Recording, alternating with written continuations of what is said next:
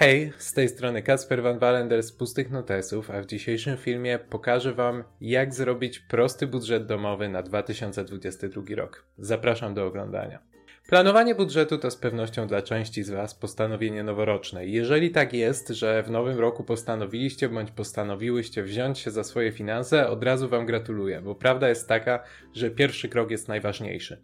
W dzisiejszym odcinku pomogę Wam stworzyć budżet domowy od podstaw, wykorzystując do tego wyłącznie kartkę papieru albo, no wiecie, pusty notes. E, dlatego zanim przejdziecie dalej, weźcie coś do pisania i coś, na czym będziecie pisać. I przejdźmy do dzieła.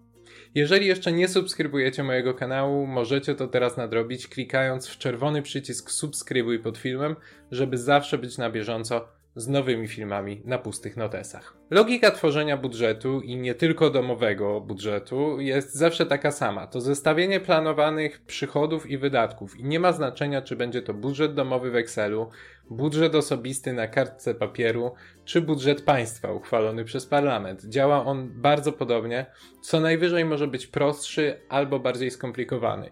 I dlatego dzisiaj zdecydujemy się na maksimum prostoty. Moim zdaniem wystarczy Wam jedna strona w zeszycie, jeżeli nie przekombinujecie tego.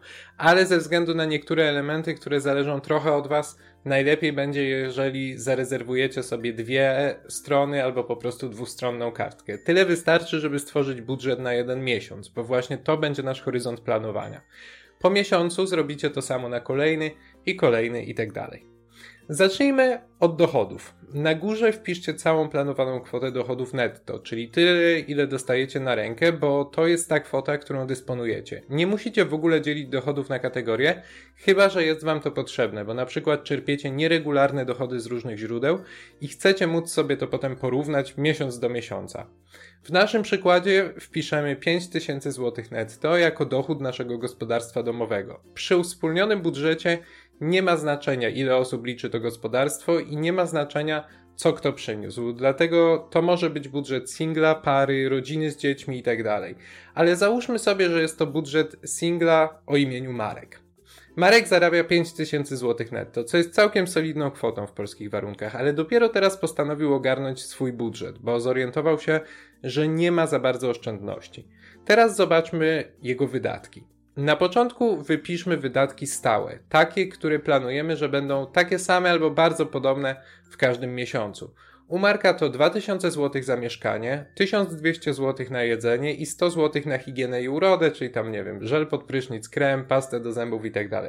Tych kategorii możecie wypisać ile chcecie, ale zachęcam Was, żeby nie przekombinować, bo wypisywanie kategorii, w których nie wydajecie przynajmniej czegoś co miesiąc, tylko zaburza Wam obraz.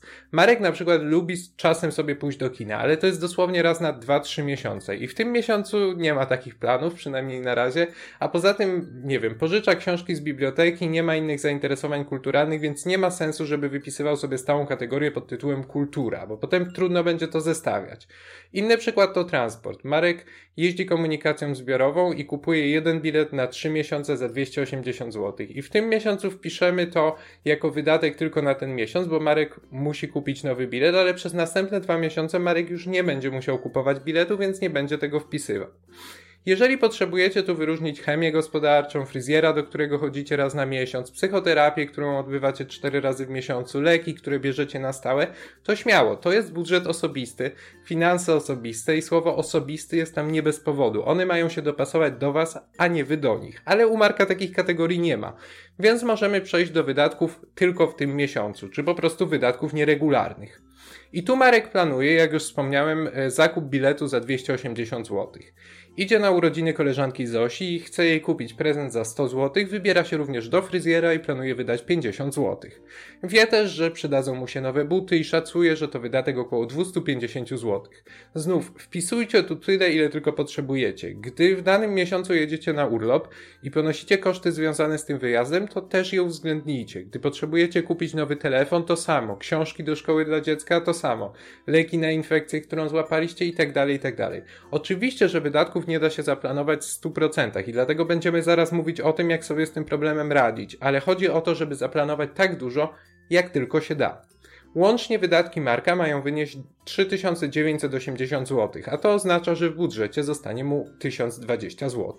Celem Marka jest zbudowanie oszczędności, a ponieważ w tej chwili przyjmijmy, że nie ma żadnych odłożonych pieniędzy, to może w tym miesiącu zacząć budowę dwóch podstawowych funduszy, które powinien mieć w zasadzie każdy.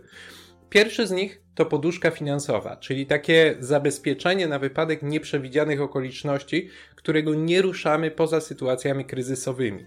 Taka poduszka finansowa powinna być trzymana na osobnym koncie w banku, może nawet być trzymana na lokacie, ale przy obecnych stopach procentowych to nie ma żadnego znaczenia. Liczy się tylko, żeby była w innym miejscu niż konto, z którego Marek na bieżąco wydaje pieniądze, żeby się tam akumulowała, a nie zniknęła w niewyjaśnionych okolicznościach na rachunku bieżącym.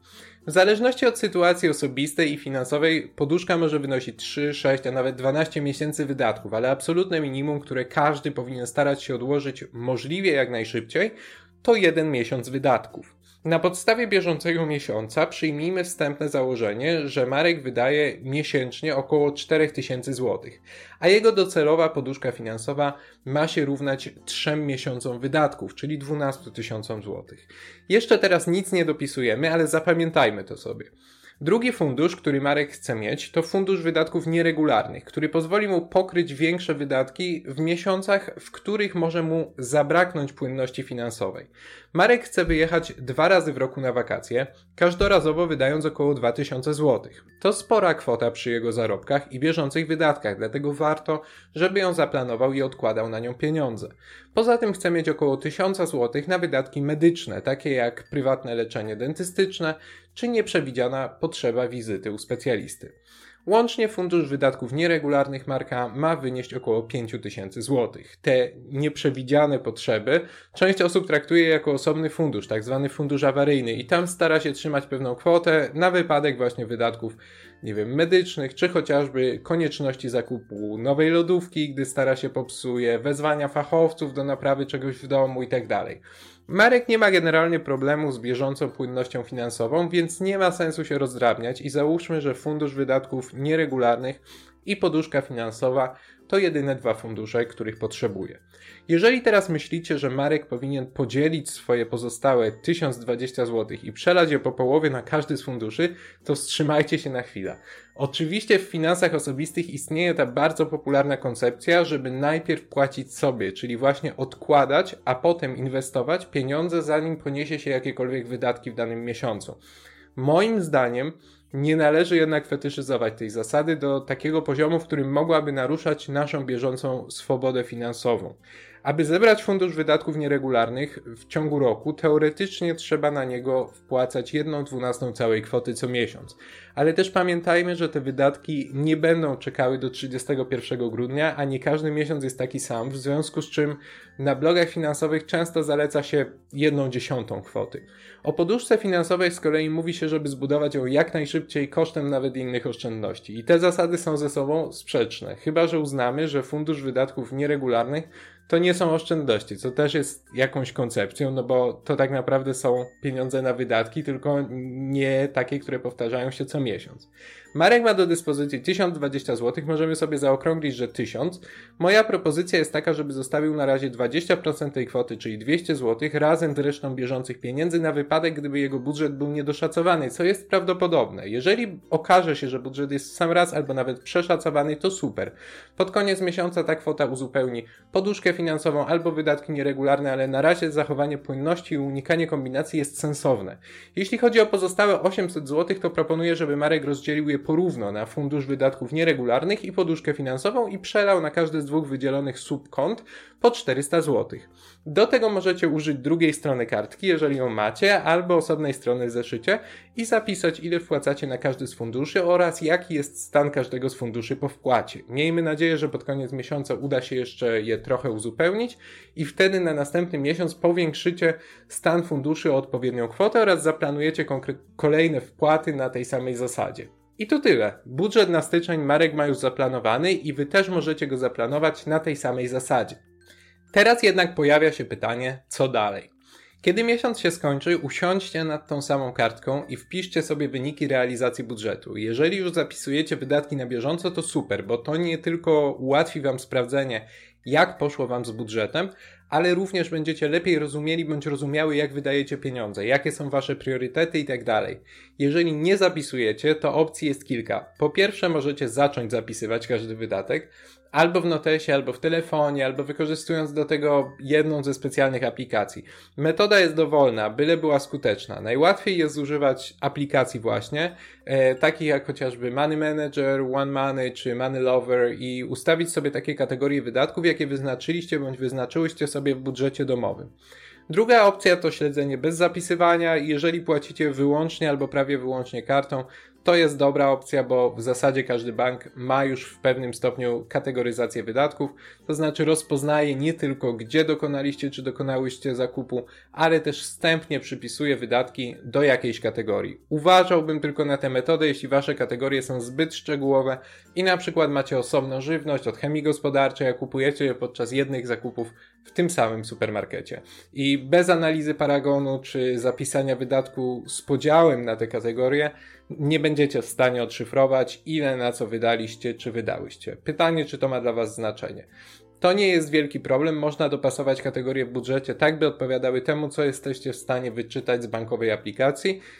I jeszcze jest trzecia opcja, czyli bez śledzenia wydatków nie ma waloru edukacyjnego, w którym jesteście w stanie zauważyć, ile na co wydajecie i podjąć decyzję, czy coś chcecie zmienić, ale jeżeli podstawowym celem waszego budżetu jest, jak w przypadku Marka, oszczędzanie, to poza całkowitą kwotą wydatków i oszczędności niewiele się liczy. Jeżeli Marek w końcu nie kupi butów, ale wyda więcej na jedzenie, albo zaoszczędzi na kremie przeciwzmarszczkowym, żeby kupić sobie droższe buty, to w kontekście jego oszczędności nie będzie to miało wielkiego znaczenia. Myślę, że dla wielu osób ta opcja może być tak naprawdę najlepsza, bo tak długo jak realizujecie cele oszczędnościowe i mieścicie się w budżetowych ramach, nie będziecie w stanie zawstydzić albo skrytykować samych siebie, że jakieś pieniądze poszły nie na to, na co miały pójść. Możecie wypróbować, a jeżeli nie będzie Wam się zgadzał ten budżet i zorientujecie się, że wydajecie za dużo albo oszczędzacie za mało, to możecie przestawić się na zapisywanie wydatków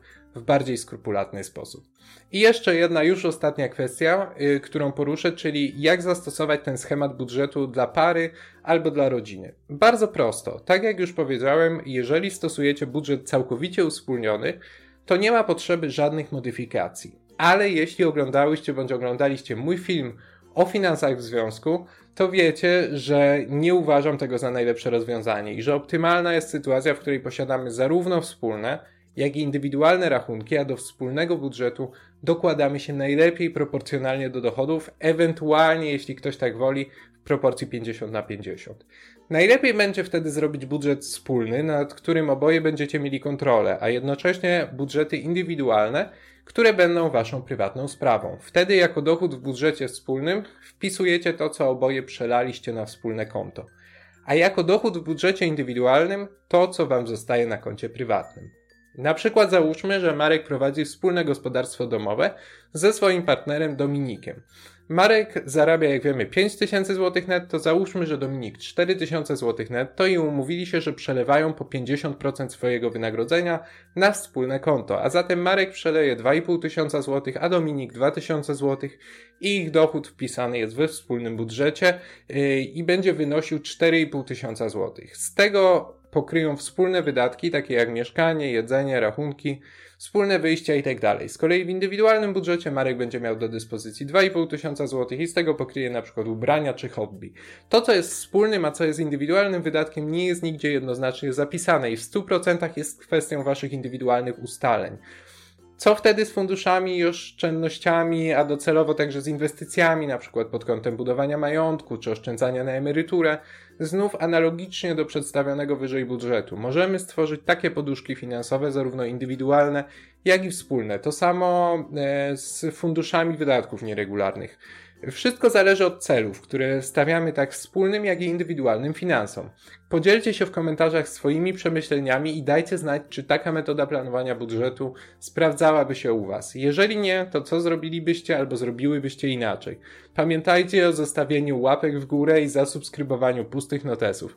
Dzięki, cześć i do zobaczenia.